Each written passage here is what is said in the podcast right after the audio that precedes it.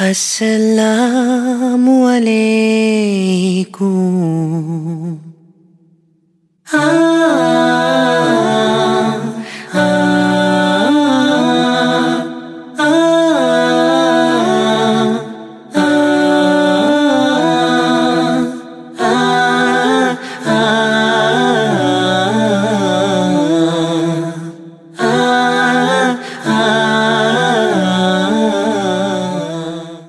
الحمد لله رب العالمين والصلاة والسلام على أشرف الأنبياء والمرسلين نبينا محمد وعلى آله وصحبه ومن تبعهم بإحسان إلى يوم الدين ثم أما بعد رب اشرح لي صدري ويسر لي أمري وهل العقدة من لساني يفقه قولي Doista svaka zahvala pripada našem gospodaru, Allahu subhanahu wa ta'ala, salavat, mir i selam na Allahu poslanika, alihi salatu wa salam, njegovu porodcu, njegove častne ashabe i sve iskreni ljude koji slijede put istine do sudnjega dana.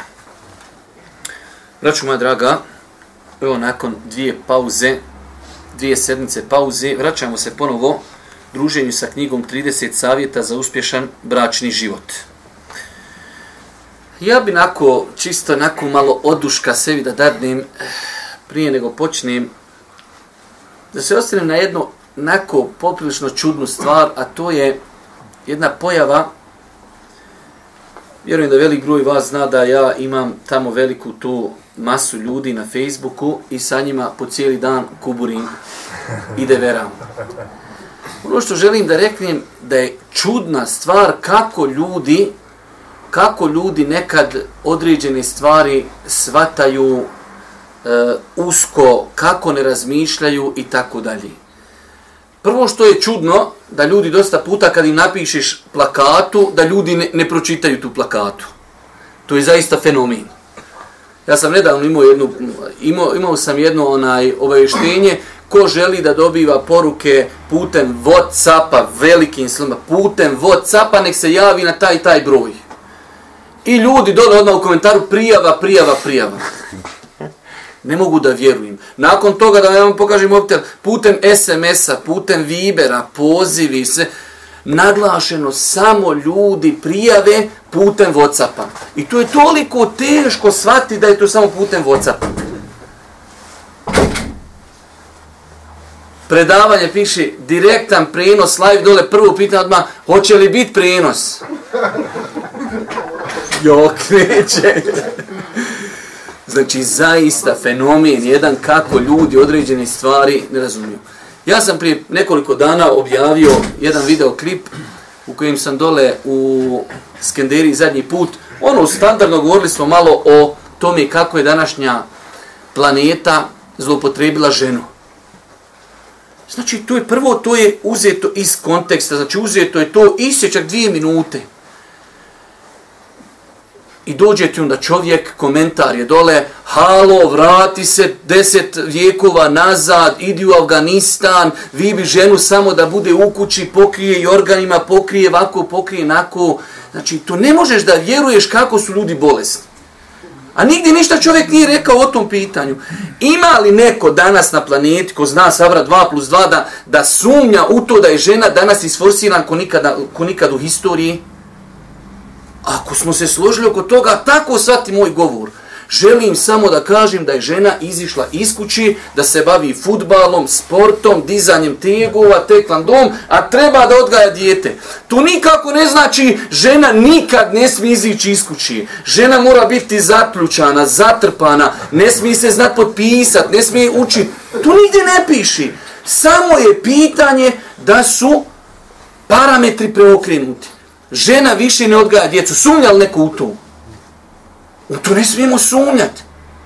I onda kad ti ljudi počnu vajziti, tumačiti, halo, bradonja, idi, kupaj se, u 17. stoljeće se vrati, vi vaše žene, to je toliko našpono, to je toliko bolesno, to je toliko puno negativne energije. Jučer postavim post, Adnan Poslo Maglić, lijepa riječ, kako ljudi se mogu potruda nauči engleski jezik, ne mogu se naučiti potruda nauče sufaru. Koji su to? Pa znači, ja imam dvije, možda tri, četiri ljudi, ja imam blokiran na Facebook. Ja ne dam niko filozofira, blok odmah, pa vidi, bolan čuvaj ovce, filozofira po drugom. Halo, vi bi samo sjedili, vi bi samo zikrili, vi bi samo u džamiju. Ama, dže je to neko rekao, bolan? Kao što imamo vremena da naučimo engleski, trebamo imati vremena da naučimo sufaru. To je pouka. Jok, vi bi samo sjedili, vi bi samo zikrili, vi samo u džami, od čega ćemo živit? Kako to ljudi svati? Ja to ne mogu da razumijem. Ja se pokušam staviti u njegovu situaciju, ali ne mogu nikako. Pokušaj, hajde idem ja, da vidim ja, otkle li on to gledao, kroz kakvu rupicu, kroz kakav dvogled on to gleda. Fino piši, ljudi imaju vremena da nauče njemački jezik da bi išli u Njemačku, za pare uči. Nemaju vremena besplatno da nauče sufaru. Fala, to je konstatacija oko koje nema raspravljanja nikakvog. Na svakom koraku imate efendije, da i organizacije koje uče ljudi, i ljudi neći.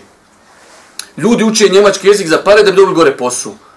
I zar to nije malo poljuljani para? Ne, ne, ne, ne, ne, halo, vi bi samo da sjedite, otkljevao na faka, vi ste plaćenici, pustili brade, žene vam, šta sve ljudima padne na pamet? I zato, braću, ma draga, hoću da vam kažem, e, čuvajte se da stvari e, površno svatate. Ako nešto vam je sumno, pročitaj deset puta, pa deset puta razmisli šta ćeš napisati, šta ćeš kazat, tako da znači, e, ja lično, hvala Bog, nema takvima problema, hvala Allahu, pa je ovaj što izmislio Facebook, odmah prvo dugme koji izmislio blok, tako da ja njega najviše koristim. Ja imam nekoliko hiljada ljudi blokirani, a nema kod mene filozofiran. Buf, idi, paša, blokiraj, vajzi nekom drugom i završena stvar. Tako da hoću da vam kažem da insan kad nešto negdje pročita, čuje, vidi, lagano, polako da ne srlja u komentare. Što niste ovom bratu napravili vama, možda bit ćemo širi s djetetom, onaj mjesta... Ima ovdje Pa, eto, hajde, da, samo da nam nećeš tek doze, onaj... Ovdje sam već bio, sjel tako. Aha, mašala, mašala. Vraćamo se, braću moja draga, našoj knjizi. Rekli smo a, da radimo knjigu 30 savjeta za uspješan bračni život. Imali smo već dva predavanja. E, večeras, ako Bog da imamo u planu malo, malo ekspeditivnije da, da idemo, jer smo E, primjetno je da smo u prošlim predavanjima išli previše sporo. Ako tako budemo išli, nećemo do nove godine oni tamo završiti ovu malu knjižicu. Pa ćemo malo, inšala, brže ići, ali svakako e, samo čitanje knjige je kvalitetno. Kada ne bi imali nikakve opaske, samo čitanje knjige je e, inšala korisno. Večera smo na 28. stranici za one koji imaju knjigu. E, kvalitetno donošenje odluke, e, bitnost kvalitetnog donošenja odluke, u jednoj porodici. Da čujemo. Kvalitetno donošenje odluka. U poročnom životu uz ispravne donosimo i neke neispravne odluke, čije su posljedice negativne i neželjene. Nekada je jedna pogrešna odluka dovoljna da uništi porodicu.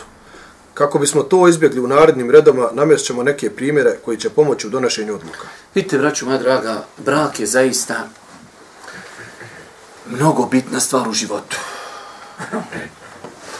Pogotovo osobe koje žive po 10-15 godina. I onda donošenje odluka, pogotovo vidjet ćete ovdje će šehi navoditi pitanje braka, razvoda braka. Nekad vidite ljudi donosi, donosi odluku, razveo ženu, nisam vratio ženu, tu je, ženo možda te razvedem, hoću, razvedena se, sela mali. Kao lafo da on nešto ko računa, nešto on sabiri, da on nešto va, kako? U njega je to sve ono na ofrlje odvagano. 3,5 kile, gru, voz tu troje djeci, četvero, jedno u školi, jedno u preskoškoli, jedno plaće, jedno ovdje, valja pamper, svalja ovo, valja, ništa njega. Ženo, oš razvod, hoću, o, sutra ideš kući. Jel u hajzu, nije u hajzu, vako, ne, ne znam ništa, kaj naljutla me, bile su mi, kosa mi je bila narasla, ja nisam znao še, šta sam, ja sam to morao razvesti, završena stvar. I onda kad, kad kosa se spusti, kad gela stavi na nju, e, zovi šeha, še, o, e, treba jaje, peć, valja čistit kuću, valja mijenja dijetu, pempaske, o, mora li kak da nju sad vratim? Pa donošenje odluka, krupnih odluka. Hoću da selim u neki grad. To je krupna odluka. Hoću da idem u neku drugu državu. To je krupna odluka. Hoću da kupim plac. Na kraju kraja valja se vezat za čuo sam da neki, kad ja kažem riječ plac, ja ne znam je li vama poznato, to je mjesto gdje se gradi kuća, brate, majka mu stara, ljudi ne znaju šta je plac. Hoće čovjek kupiti zemlju, nekog će grad kuću, to je odluka u životu. Da li će to biti na Vogoši, da li će to biti ovdje ljudi, o tome treba razmišljati. Pa velike odluke iziskuju, znači iziskuju iziskuju e, vrijeme, razmišljanje i da se ne žuri. Pod jedan. Pod jedan. Prilikom donošenja odluke o načinu rješavanja nekog problema, trebamo se upitati da li je ta odluka došla nakon podrobne analize tog problema, konsultacija, uvažavanja stručnog mišljenja, vaganja koristi i eventualne štete, ili je ta odluka rezultat ljutnje ili reakcije. Evo, to je to.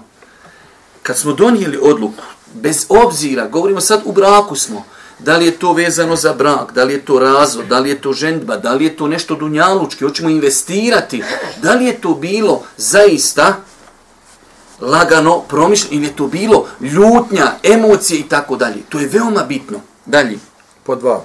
Prilikom donošenja odluke da se u neko određeno vrijeme putuje u neku zemlju, treba obratiti pažnju na to da li je ta odluka nastala kao rezultat promišljanja i analize poručnog budžeta, te da li je to adekvatno vrijeme za putovanje, ne zanemarujući poslovne obaveze, proces školovanja djece ili neke druge važne obaveze. Ovo navodiš, evo jedan dole primjer kod Arapa, ali kod nas se može nešto slično tome desiti. Kod njih imate išlo pola kvarta, išli u Maliziju. Ženo, ide u Maliziju. Samo da i mi možemo reći bili u Maliziji.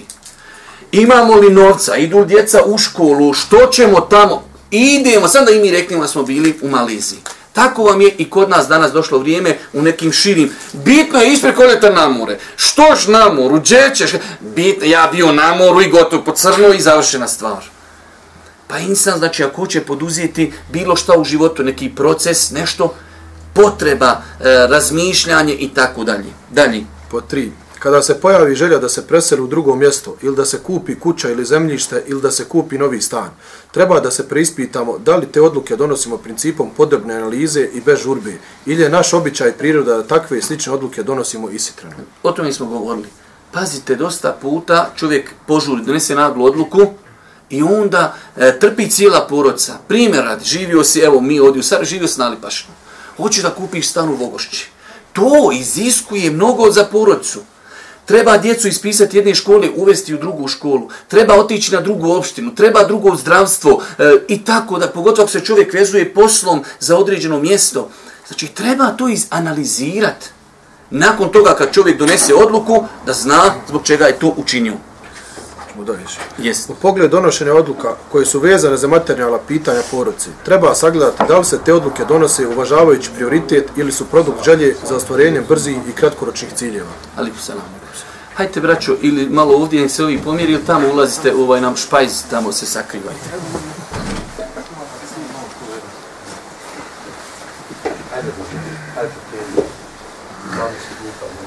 Još ćemo jednom pročitati, hajmo pazimo, znači ovi što su ušli, oni ulaze i imamo predavača, gledamo u njega, bravo.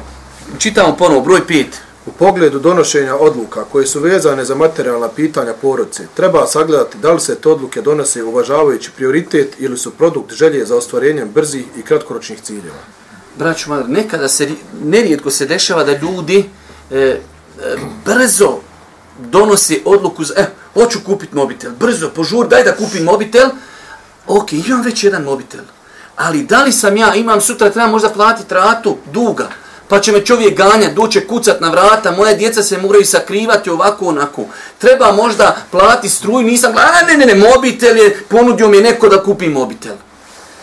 Da li znači nešto što ostvarujemo u životu ima prioritet, ima potrebu, imamo li nešto prioritetnije od toga? Vjerujte, Među nama, ovima starkeljama, imate ljudi čija nekada po, ponašanja su tako nepromišljena. Evo baš ovako na sistem.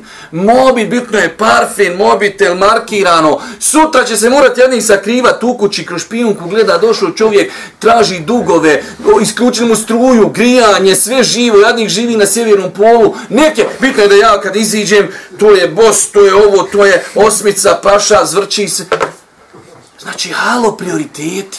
Ali nije problem što ti napraviš grešku, već se te, šta će to? Negativne posljedice toga će se vratiti na porodicu. Ha, babo se sakriva na ulici, ljudi ga ganjaju. Kako je djetu sutra u školu, djeca kaže, a tvoj babo, to ono što vam isključno struju. Ma nije to, to je tam komšijami. Mora djete jedno petljat, mora lagat, e, u stanu i tako dalje. Tako da znači, kad čovjek donese pogrešnu odluku, nije problem u odluci koliko se negativnosti te odluke manifestuju na porodicu. Dalje. Pod šest. Odluka o ostanku u braku sa suprugom ili odluka o razvodu braka Bez obzira na to da li ta želja, inicijativa potekla s muževe ili žene strane, nikako ne smije biti donesena na brzinu, nego mora biti donesena nakon podrobnog razmišljanja i analize, jer rušenje porodice nije nimalo jednostavan i nevažan čin, a posebno ako su tu i djeca. Evo, ja sam o tome govorio. Vjerujte, braću moja draga, da znate koliko mi se svakodnevno susrećemo s ovim pitanjima. Čovjek u afektu, paša budi u afektu koliko hoćeš. Imam ja razno razne metode za liječenje afekta. 15 minuta lupaš glavu muziku. Sve afekte riješiš odmah. Razvede ženu i sutra djeca na ulici. Ošu lik u Ameriku, ošu u Evropu, on gore živi, oženio se, a ovdje žena, kako živi, ko odgaja djecu, šta? Nemam pojma, ne znam. Razve, najlakše je razve se ostati ženi djecu. Pa znači donošenje odluke, čovjek hoće da se ženi, hoće da se razvede, Ok, paša, što nisi otvorio oči, što se ženio preko Facebooka, preko interneta. Došla ti ona što smo prošli put ovdje govorili, našminkana, koja je zamaskirana. E, paša, sad saburaj. Moraš malo saburat. Pa u životu ljudi bi htjeli da imaju brak, on je iz 18. generacije, ženu bi da bude ashab. Ne može, paša. Kakav si, takva će ti žena biti? U 10 deka. Moraš saburat, mora i ona malo nešto saburat. Pa pod afektom, znači čovjek ako je se desio problem, ok, sjedi, hoćemo se rastati, ali čekaj, da vidimo. Jedan, dva, koristi, pet koristi, jedna šteta. Ili obrnuto. Da vidimo šta ćemo. Ja znam nekada dođu bračni e, parovi pa hoće sa mnom konsultovati, sjedim, ok, ja kažem sestri bratu, dobro, ako se razvedeš. Misliš sutra kad se udaš da ćeš naći nekoga, ono ko smo rekli, visok, debel, mršav, bogat, sve staviš kvakicu i samo enter, on ispadne predate hop. Nema toga! Doći ti drugi. Ovaj je bio miran, blag, tam vam imao je problem čatu sa ženama. Doće drugi, ne zna šta je internet. Ti straža sam nek ne zna šta je internet. Ali on hoće razbit nos. Uvijek ti u paketu nešto dođe negat. Ne mere on doći ko melek. E, sad, ili ćeš saburat da ti ova razbije nos, ili ćeš saburat ovaj čučata sa ženama. Ali moraš nešto saburat. I ovrnuto. Brat, sve kao, o, žena mašta, ali eto, mm, poremećeno hormoni malo podebela. Pa pošla moraš malo, naćeš ti tanku, ali u jezik debel. Nešto mora ti doći u paketu. E sad hoću ja tu debelu ili mršavu da razvedem. Sjedi. Jedan, dva, tri, pet. Aha, dobro. Ja ću naći neku drugu. ali dođe ti u paketu opet problem neki. Pa insan treba biti, vjerujte, ovo su toliko smiješne i jednostavne stvari. Ali je to glavni problem kod nas u, u brakovima. Ljudi donose brzo odluke. Razveo se. Koliko? Ne znam, kaj dva, tri puta sam je razveo, nijem pojma, bio sam ljute. Tako da znači čovjek hoće donijeti odluku, sva pojenta ovoga e, cijelog e, poglavlja i savjeta jeste čovjek hoće donijeti odluku materijalnu, hoće donijeti e, vjersku nešto, treba znači lagano da se donosi odluke. Dalje. Ovdje ne želimo kazati da je razvod braka u cijelosti zlo, nego da odluka o razvodu braka može donijeti dobro za obje strane, posebno ako nastavak poročnog života više nije moguć kao opcija. Bravo. Braću moja draga, niko ne želi da konstatira nema razvoda braka. Imaju situacije, ja nekad znam kazat, braći, najbolje je za vas da se razvedete. Jednostavno, vi ste iPhone i Samsung, vi ne možete zajedno. Ne, a ova radi na jednom principu, ovaj Android, nema, ne možete nikako. Nekad je to rješenje. Ali kad je rješenje? Kad sjednemo, kad razmislimo, kad vidimo da nismo jedno za drugog, ok, zato uzvišen Allah i ostavio razvod braka. Ali nemoj da bude pod afektom, nemoj da bude u ljutnji, nemoj da bude u sržbi bez ikakvih razmišljanja o, o, o posljedicama. Sljedeći savjet. Planiranje poročnog budžeta. Pa se znači ovo su savjeti koji su svaki savjet je jedan od drugog odvojen totalno. Pa sad nam čovjek priča o donošenju odluka u braku, sad priča o problemima koji nastaju kada insan ne planira poročni budžet. Vjerujte, ja imam svoju neku teoriju, pogotovo kada je u pitanju više ženstvo kod nas, na našim podnebljama, velika većina brakova više ženstva propada zbog problema materije. Znači, kad bi ja smio da to cijenu, 90% brakova e, više ženstva su neuspješni samo zbog materijalne strane. Pa je planiranje bračnog budžeta veoma bitna stvar. Čovjek dođe, pričao sam nedavno. Ne znam sam više pričao, šta sam pričao, nemam pojma. Uglavnom, Zove jedna sestra, udala se, nešto friško se udala, taj njezin čovjek, ja vidim ona po glasu da je tu bukvalno dijete, žive pod kirijom, u dugovima, on nema posla, nema nikakvih primanja i njega je neko napalio, hoće on da se ženi po drugi put. La ilaha illallah, tičijeg i šraćijeg mozga. Tek se čovjek oženio, pod kirijom, ima dugova i nema stalno zapošljenje. Robe, Allah, Allah, evo sjedi, dobro, evo, pježiš, ne kontaniš. Gdje si ne sjedi, Allah? Gdje mene nauči da si ja s tobom oženim, brate? Gdje kaš kako to ti si? Pod kirijom, u dugovima, nemam posla, joj se još sad jednom oženiti. Wallahi vam kažem, ja to smatram ludost. Valah, za mene to ne može me, ko bi donio 160 papira da je zdrav, rekao, ja to ne vjerujem, pečat, nisi normalan. Po kojoj verziji, po kojoj osnovi čoveče? I sutra dovede ženu, prvi dan, ženo postimo post Davda, ali i selam, ne jedimo ništa. Pa kako? Pa moraš postit. Nima šta jest, gdje ćemo spavati. I kaže problemi u braku. Pa normalno da su problemi u braku. Moraju doći, vallahi moraju doći. I ono malo što bi ti ta tvoja žena nešto saburala, ona prva, nekad imate žene, saburaju. Pa što do drugi? E sad ti neću saburat ništa. Hoću mak na konac, hoću sve da mi kupiš, hoću ovo. Pa žena ne mogu, ma prodaj bubreg, ne interesuje me paša, ne znam šta ćeš. Tebi do druge žene, hajmo sad ćemo mak na konac hoću odjeću, hoću ovo, hoću ono, hoću umru, hoću hajde sve živo što ima nam padne i spominiti. Pa je taj budžet, braću moja draga, veoma bitna stvar. Ajde da, da vidimo šta kaže. Poznato je potvrđeno da je metak nužna osnova za izgrađivanje života.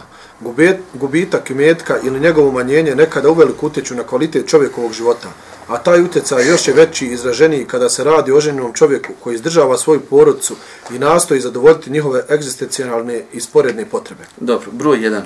Da prijeđemo da, okay. mm -hmm. Musa treba dogovarati sa suprugom o planiranju i upravljanju poročnim budžetom, jer žena igra vrlo važnu ulogu u tome da li će taj plan uspjeti ili ne. Ovaj dogovor mora biti zasnovan na članovima i tačkama koje će uzeti u obzir prava supruge i djece, sve bitne faktore u pogledu raspodjele financija, kako bi se supruga rasteretla u saznanje da će njenja prava biti ispoštovana, izdržavanje ne smije biti upitno, a također njeno pravo na odmor i zabav. Ne smije biti upitno. Čovjek dovede ženu i nema od čega da, da, da, ajde da kažemo, da financira život i očekuje od ženi da bude vesela, da bude nasmijana, da, da bude pokorna. Ok, prvo imaš ispuniti obaveze obaveza da ženi obezbijediš mjesto stanovanja, hranu, odjeću. Tek onda možeš očekivati nešto kao da nazovemo protuuslugu. Pa je veoma bitno da čovjek i žena sjedi, da zajedno planira. Ok, imamo platu koja je 300, 400 maraka. Ok, šta ćemo? Imamo kiriju, imamo ovo, imamo... Je nam sada do mobite, je nam sada do auta, je nam sada do odlaska na mor, je nam sada do odlaska na umru i tako dalje. Pa znači moraju zajedno da donese, da uskladi i da zajedno porijedaju prioritete. Broj dva.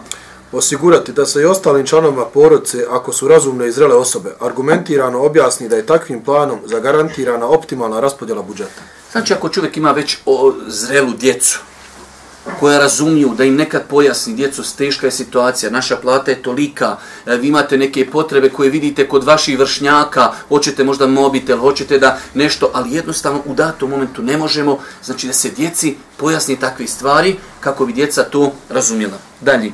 Platu je potrebno prvenstveno podijeliti na zadovoljenje osnovnih egzistencijalnih potreba od koji su najvažnije. Plaćanje stanarne, mjesečni troškovi kojima se pokrivaju potrebe žene i djece, troškovi za hranu i piće, plaćanje računa za struju, telefon i komunalne usluge, plaćanje mjesečne rate za eventualni kredit ili otplatu rata za auto, pokrivanje ostalih troškova, na primjer za pomoć roditeljima, vraćanje eventualnog duga i sl. Znači čovjek vjerujte da se dosta puta nama dešavaju e, obične dječje greške. Čovjek samo kada uđe u to more, to je znači to je more koje nema nema dna. Dobio si neke pare, imaš neke rupe, a ti to e, ajde da kažem potrošiš negdje gdje ne treba. I onda jednostavno čovjek samo toni. Ha? Jedan mjesec nisam platio grijanje, hajde, nema veze, drugiću. Nisam drugi, trećiću. Ja sam nešto dole prošle godine ganju dole po Alipašinom, nešto tražio neki stan, gdje god dođeš čovječe, ljudi po 15.000 grijanja ima, nije platio. E to je tako, mjesec po mjesec. Ma neće mi isključiti pa hiljadu, pa dvije, po 15.000 maraka ljudi imaju dugova. I onda on dođe, on hoće da proda svoj stan, da za taj stan kupi manji, gore dola loka, gosko on proda stan dok vrati dugove, ne mre poslije kupiti nikakav. Ne možeš ga nikako ubije da proda stan. A on jadnik svaki dan toni. Pa se čovjek treba paziti. Dobio sam neki novac, imam neku platu, idemo prvi najbitnije stvari. I znate koliko, vjerujem da svako od vas ima neka iskustva s braćom. Pozajmiš čovjeku pare za tri dana, evo, prije neki dan sjedim s jednim bratom koji je biznismen i čovjek zaista imućan. Kažeš i dođe čovjek, daj mi pije deset ilja, tri dana, evo, za tri da, tri godine i tri, tri dana. Ali to je sakrivanje, to je bježanje, ne zove, blokira, sakriva se, periku nosa, tamo, ja, rab, što ti to treba? Ok, ne možeš rad, dođeš čovjek, kažeš, brate, Allah, ne, iz, ispalo je tako, ne mogu, ali govorit ćemo poslije o tome, i uzimanje dugova. Sto puta odmjeri, pa onda odreži za dug. Najlakše ima tamo neki brat, biznismen, vidimo ga u džami, e, brate, treba mi para u zajam. Jedan, dva, tri, pet i niko ne vrati pare, Ne može tako. Pare za dug se uzimaju po nekoj najzadnjoj verziji. Nakon sto puta što odreži, kako ću vratiti, koliko mi treba vremena, ostavi malo duže vremena i tako dalje. Pa se nerijetko dešava da ljudi u dugove ulazi zbog, zbog nekih bespotrebnih stvari. Ok, možeš imati dobro auto, alhamdulillah, ne možeš. Ne možeš nikako imati auto. Koliko ljudi na planetu koji nemaju auto? I mnoge druge stvari. Vjerujte da znam ljudi i događaja gdje ljudi za parfeme daju stotine maraka, a žena i djeca nemaju osnovu egzistenciji. Ali on lafo, on uživa u mirisima. Odi vamo da ti ja kažem kako se miriši. Što si se ženio ako ne znaš vodit kuću? Miriše paša, budi bi žene i djeci, sve što ima cijeli dan sjedi u parfemima i samo se maži. A nemoj dovod tuđe dijete, pa rađat svoju djecu i da onda oni trpe zbog tvojih nepromišljenih postupaka. Pa je ovo, braću moja draga, vjerujte, veoma bitna pitanja. Kako je čovjek koji mora bježat od čovjeka džematlije, mora bježat šest mjeseci zato što mu je dužan? Bježi on, ne klanja u osnovi, sakriva se ko u ratu, klanja dole pod zemljom u, u, u skloništima. Što to trinsanu treba?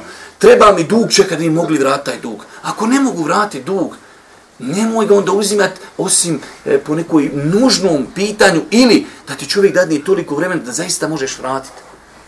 Ja znam koliko ošte braće koji su imućni, dobro imućni. Kaže, dajem u dug noliko para koliko mogu halalt. Mimo toga ne dam ništa više. Dad jednom pet hiljada ne vrati, dad jednom deset ne vrati, dad jednom 100. Sad, koliko vrati treba? Deset hiljada, ja mogu da 100. Ti 100 halal bilo odma i završena stvar. To je Sergija Sadaka, ne dam dalje više. Ujela me je zmija ne dva puta, dvacet i dva puta me ujela. Od ljudi koji su sve meni najbliži. Izgubili smo jednog, jedan bitan stup našeg društva. Naš čovjeka koji je bogat, kad god treba, brate, treba mi sutra trvat, evo ga. Jedan ga zezni, drugi, treći, četiri, peti, deseti, čovjek kaže, halo, više ne dam nikomi. Dalje. Plan raspodjele budžeta izgleda će sasvim drugačije ako pored stalnog posla postoji dodatni izvori primanja, poput zarade od poslovanja vlastite trgovačke radnje, honorarnih poslova, nekretnina koje se izdaju u zakup i drugih profitabilnih projekata. Svakako, čovjek kada pravi taj svoj neki budžet, tu izma, uzme u obzir da li ima samo jednu platu, da li ima nešto dodatno i shodno, to mi će se čovjek, hajde da kažemo, i pokrivati. Broj 5. U nekim bračnim zajednicama i supruga ima svoj posao, pa i time finansijski plan kojim se ova činjenica uzma obzir drugačiji. Jasno. Broj 6. Pojedinci koji ne plaćaju stanarnu, nego besplatno stanuju u kući ili stanu kojim je dodijela firma ili eventualno roditeljskoj kući koji su im stavili na raspolaganje, koriste ove pogodnosti, mogu isplanirati kako da dodatno uštede i metak. No, razlika je čovjek koji ima pred sobom svaki prvi svaki prvi moraš dati gazdi 500-600 maraka na ime kirije i bacaši, a razlika je čovjek koji ima svoje stambeno pitanje riješeno, svakako da to sve utječe na budžet. Dobro.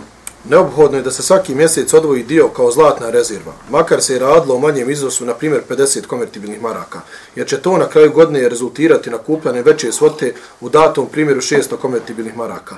Ovakvi potezi nesumnjivo mogu imati značajnu ulogu u slučaju potrebe za rješavanje modernih materijalnih kriza. Vjerujte, znači, ovo je, ja sam već 17 godina u braku.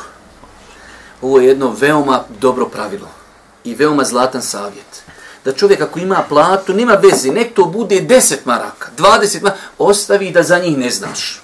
neki takozvani crni fond. Za njega bukvalno ne osim nešto što mu zaista to be Arab dođe, znači ono, hm, život je u pitanju. Mimo toga nešto je pricko, ne diraj taj fond. Taj fond za njega ne znaš. Veoma je bitno da čovjek u poročno, znači poročan insan ima taj neki crni fond. Uvijek se nešto vanredno može desiti. Vanredno, dijete, djeca, ko djeca? Ne daj Bože, slomilo ruku, slomilo nogu, treba neka vanredno liječenje, treba ovo, treba ono da čovjek ima. U kući se nešto desilo, da li neki kvar, da li auto, da li nešto vandredno zaista, čovjek ima taj neki crni fond koji bi trebao da ima i da njega nikako ne broji.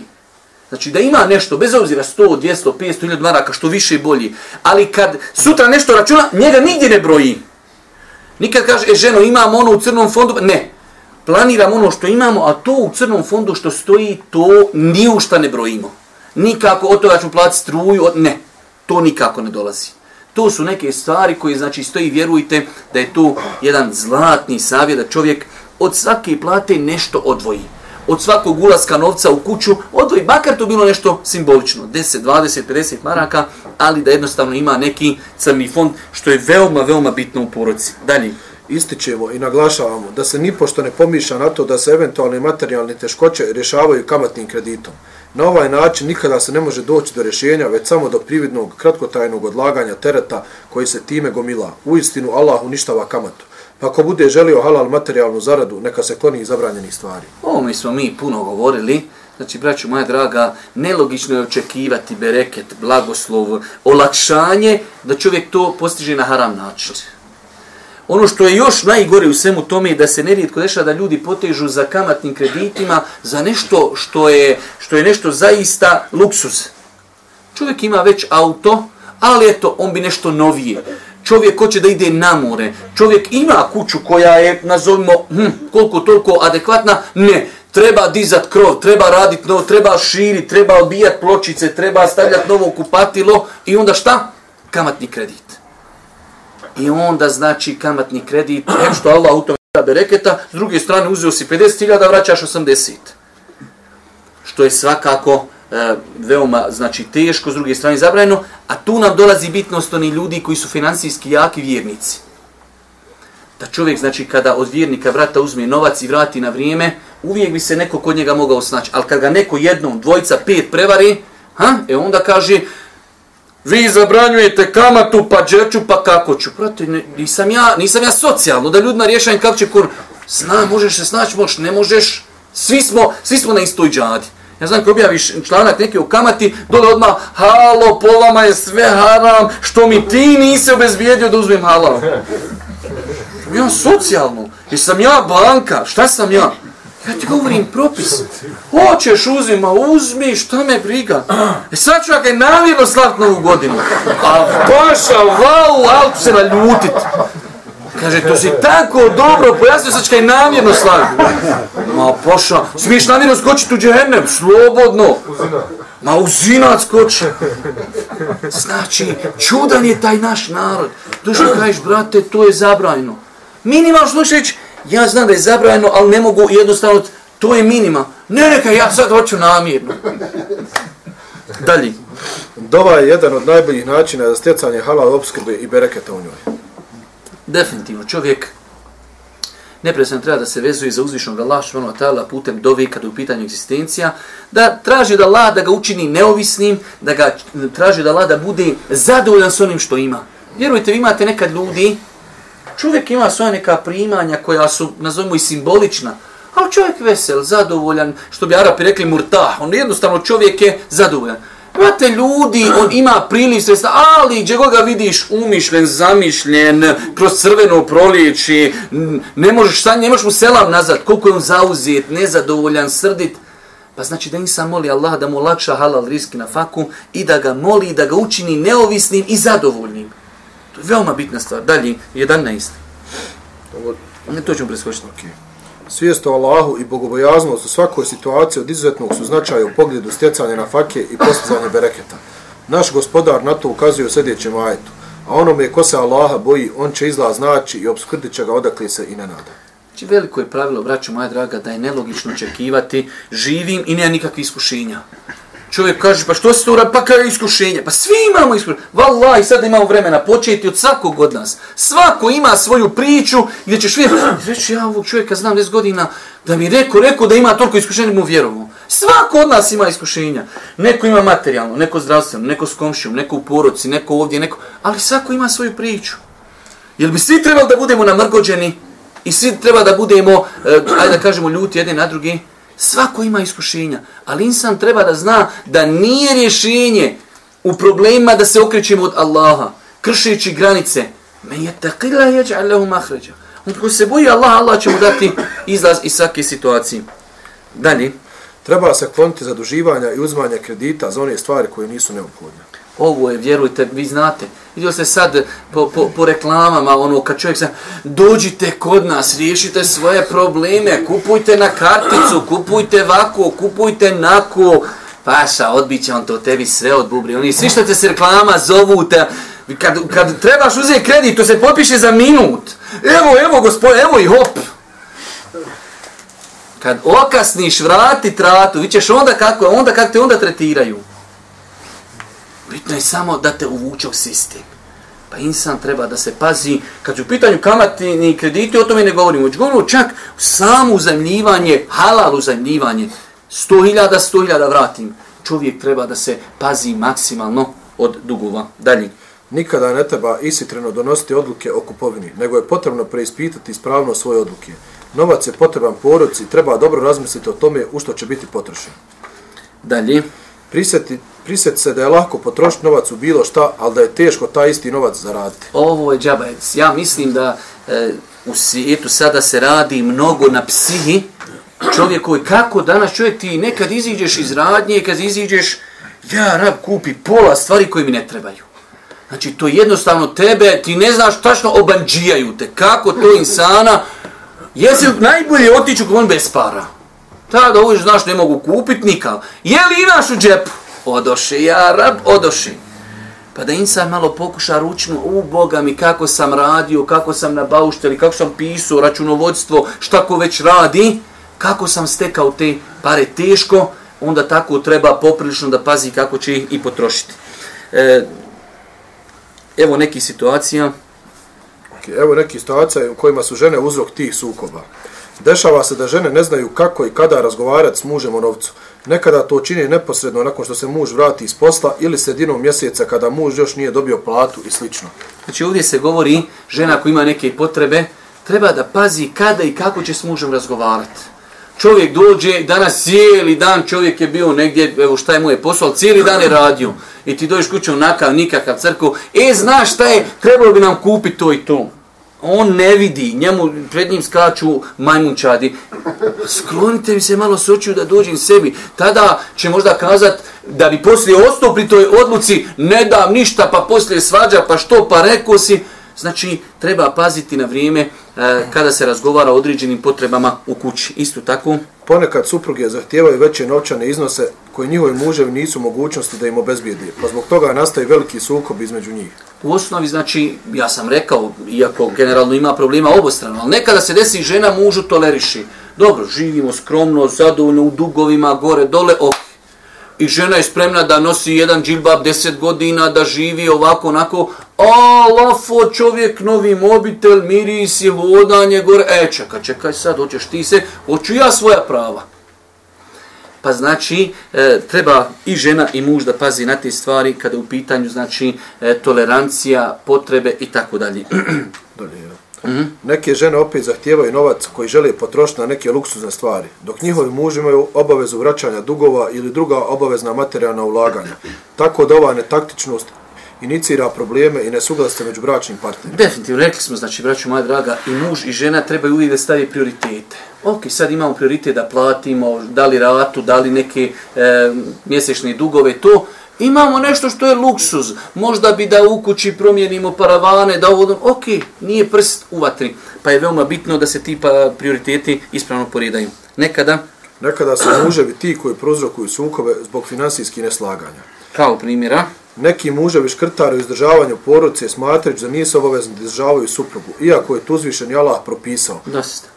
Znači, braću moja draga, osnova je, rekli smo, čovjek stupa u brak, samim tim se on obavezuje da će ženu finansirati. Da će, znači, e, obezbijeti njoj stanovanje, hranu i odjeću. Insan, je- znate koliko imate ljudi e, koji jednostavno e, osnovne potrebe egzistencije, osnovne potrebe, znači zna se šta je nešto osnova, hrana, odjeća i tako dalje. Pa ljudi počnu škrtariti i normalna stvar da mora tu doći do problema. Mm, sljedeći pojedinci. Pojedinci prigovaraju svojim suprugama što ih izdržavaju, a to supruge sigurno iritira i izaziva tjeskobu prigovaranje. Čovjek stupa u brak, samim tim treba da bude svjestan da privata na sebe činjenicu da mora izdržavati tu suprugu. Nema sutra prigovaranja. Isto čovjek dadne ti zekijat, sutra kaže, halo ba, ja tebi dade zekijat. Nema paša to. To si ti dao, to je pravo, znači, koje ti Allah naredi. Mogu dati i hasi, kome god da dadiš. Nemaš pravo prigovoriti. Isto tako, ženi si kupio nešto što je osnovna potreba. Kupio si odjeću, hranu. Halo, ja tebi kupio hranu, a ti men tako. Šta ćeš da posti? Nema prigovora, znači na nešto što je obaveza, što kažu Arapi, la šukran el vađib. Nema, nema znači prigovora, nešto što ti je obaveza. I zadnja stvar, Drugi, opet kasnije sa izvršavanja svoje obaveze izdržavanja, pa je žena prinuđena da traži svoje pravo. Muž ne treba čekati da supruga zatraži od njega novac, nego on to uvijek treba imati na umu i požuriti sa izvršavanjem svojih obaveza, jer na taj način će se bolje razvijati ljubav i jačati bračna veza. Šta više, u tom se ogleda lijep odnos i poštovanje muža prema supruzi. šta sam ja sve planirao noćas prići. Dobro, idemo dalje. Suosjećanje i podrška među bračnim partnerima. Okay. Život sam po sebi donosi razne krize. Porodca kao životna zajednica često izložena tegobama i problemima. Neophodno je u takvim situacijama svi članovi porodce pomažu jedni drugima. Kroz nekoliko primjera nastojat ćemo objasniti ono što želimo kazati. Či ovdje jedan savjet, nismo pročitali gore s, e, naslov, saosjećanje i podrška među bračnim partnerima u svim situacijama kroz koje porodca prolazi. Supruga ima problem ili muž, muž ima problem, da li je to e, uh, finansijski problem, da li je to zdravstveni, da li je sa komšijom, da li je sa svojim roditeljima, supruga njegova, ako želi harmoniju, ako želi brak, treba da se sa njim sosjeća u tim njegovim problemima. Ako to bude, pa vidi, eto, tvoji su, šta ja znam, kako god se ti s njima dogovoriš, šta mene briga. Čovjek dođe ljut, ima problema sa roditeljem, sa ocem, sa, sa komšijom, ima problema, on treba da vrati neku ratu, pa eto, tjela bude na pomoći, snalazi se. Nije to to. Vidjet ćemo sada praktično neki savjeti kako žena dijelimično, ako ništa psihički može, hajde da kažemo, čovjeku olakšati. Pa je veoma bitno da se muž i žena u tim nekim kriznim momentima se osjećaju. Supruga se razbolila. Koliko je lakše ženi? Vi znate kakve su žene. Žena i kad je u bolnici ona razmišlja kako je kod kuće, je li čisto, je li sve popeglano, je li sve spremno, kakva djeca idu u školi. Znači čovjek ako je žena bolesna u bolnici, je, da joj ka, ne sikiraj se, sve je čisto, ma možeš meda laznut po kući. Odmah, odmah, odmah zdrava. Ne sek, sve je fino, slušaju djeca, zategnuto, sve fino, oprano, ne koristimo kaške, rukama jedimo. Samo ti ozdravi nam. Odmah je njoj djelimično lakše. Čovjek dođe, ženo, kad dođeš u kuće, dok da granata puka. Infuziju još jednu. Veoma je bitno to psihičko potpomaganje.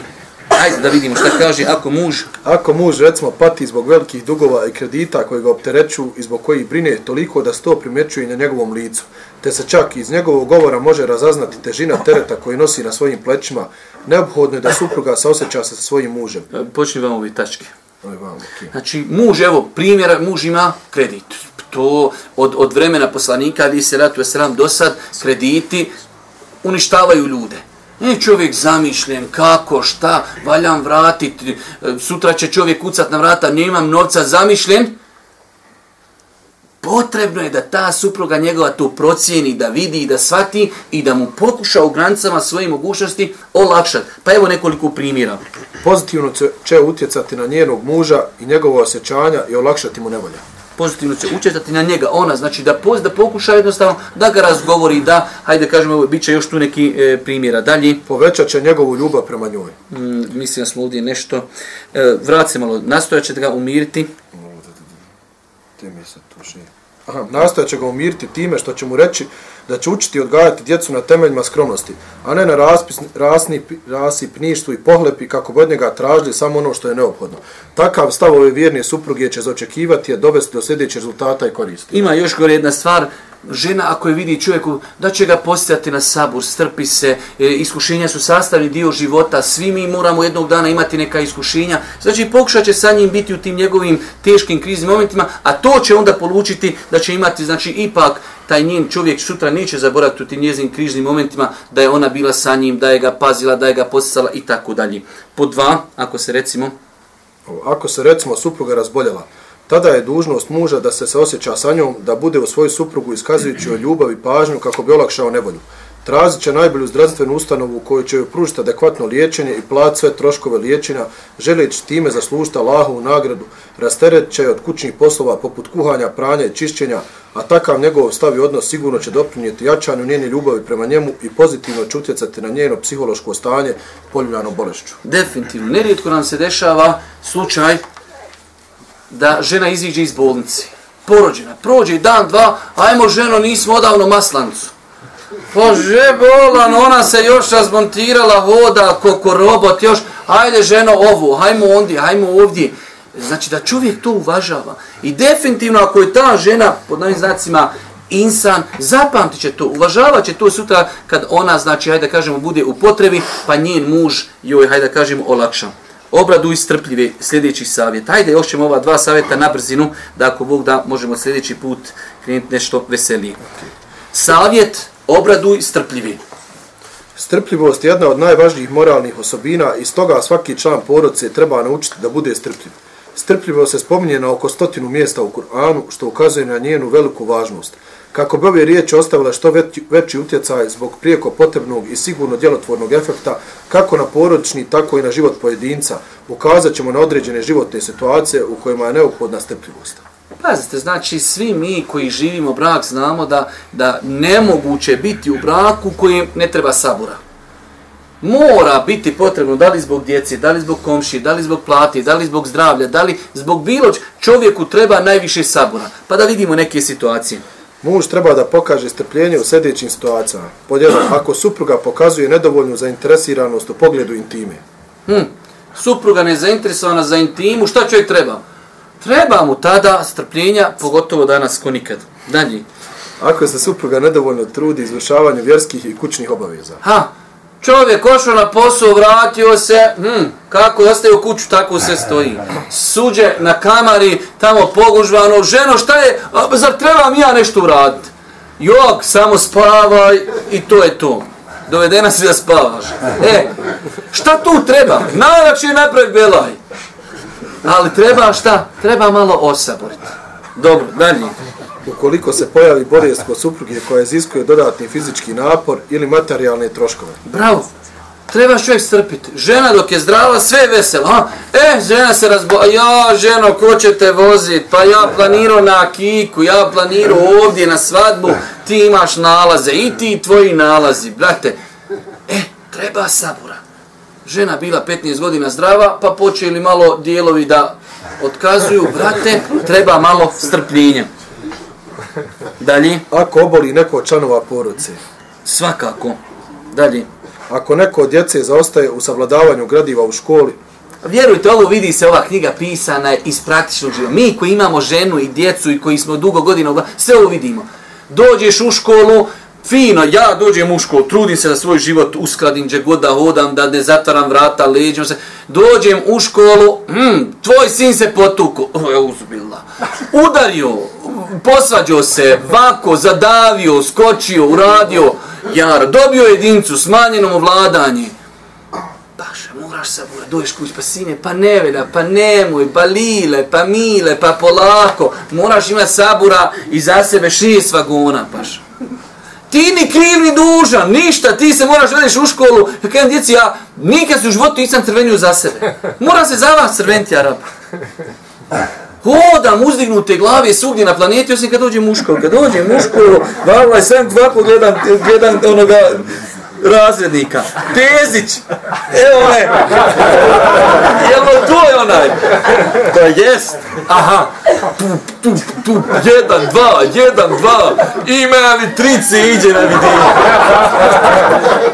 Ha. Potuko se razbio, smanjeno vladanje. Ja, rab, ja, rab. Treba ti sabura. Šta ćeš? Ni kriv, ni dužan. Allah, ni kriv, ni dužan. Šta ćeš? Saburaj. Šta ćeš? Isto tako dalje, ako se... Ako se dogodi da dijete skrene s pravog puta ili zanemaruje svoje vjerske obaveze. Allah mi, evo ovo. Trudiš se sve, dijetu obezvijediš sve, sine.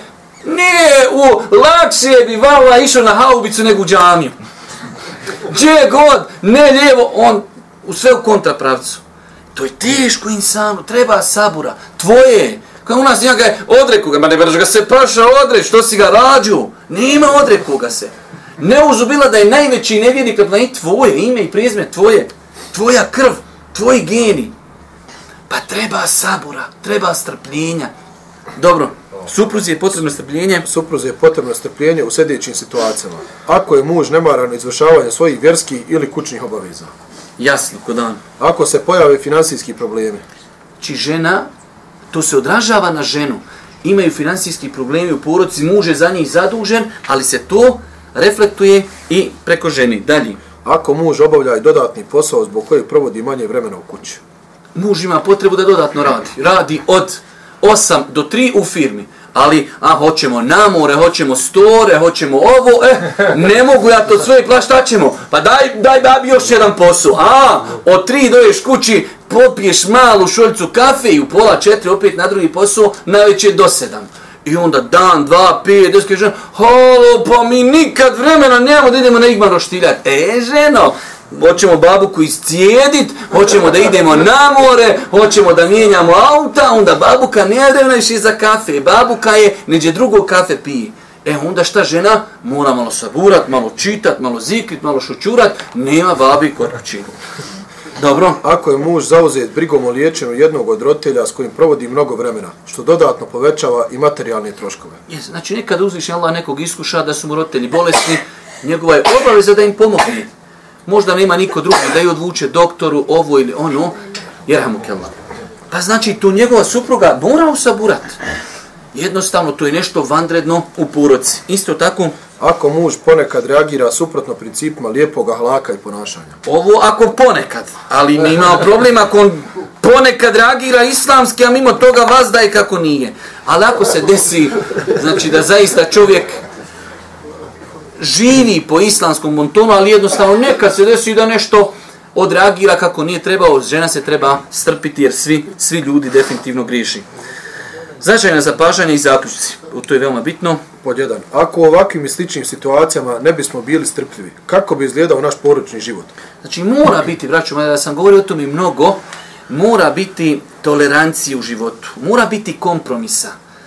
E, danas će žena saburati nešto mužu, sutra će muž saburati supruzi. I tako ide ta e, bračna lađa.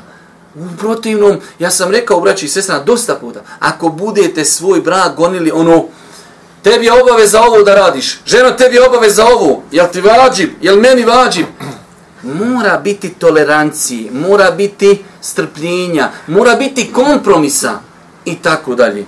Dobro, dva, Neke negativnosti koje su prisutne kod bračnih partnera zahtijevaju posebno veliko strpljenje, naročito ako se radi o stanjima i prilikama za čije rješenje treba vremena i do kojeg se teško dolazi. Znači imate nekada čovjek, ok, zadovoljno možda sa bračnim supružnikom, 95%, ali ima 5%, hm, e, to su one stvari na kojima se čovjek treba strpiti. Zadnja stvar koju ćemo večeras, to je samo jedan list i time završamo, izvinjenje. Veoma bitna stvar kada je u pitanju porodca i bračni problemi. Izvinjenje. Zar postoji neko ko ne griješi? To je start.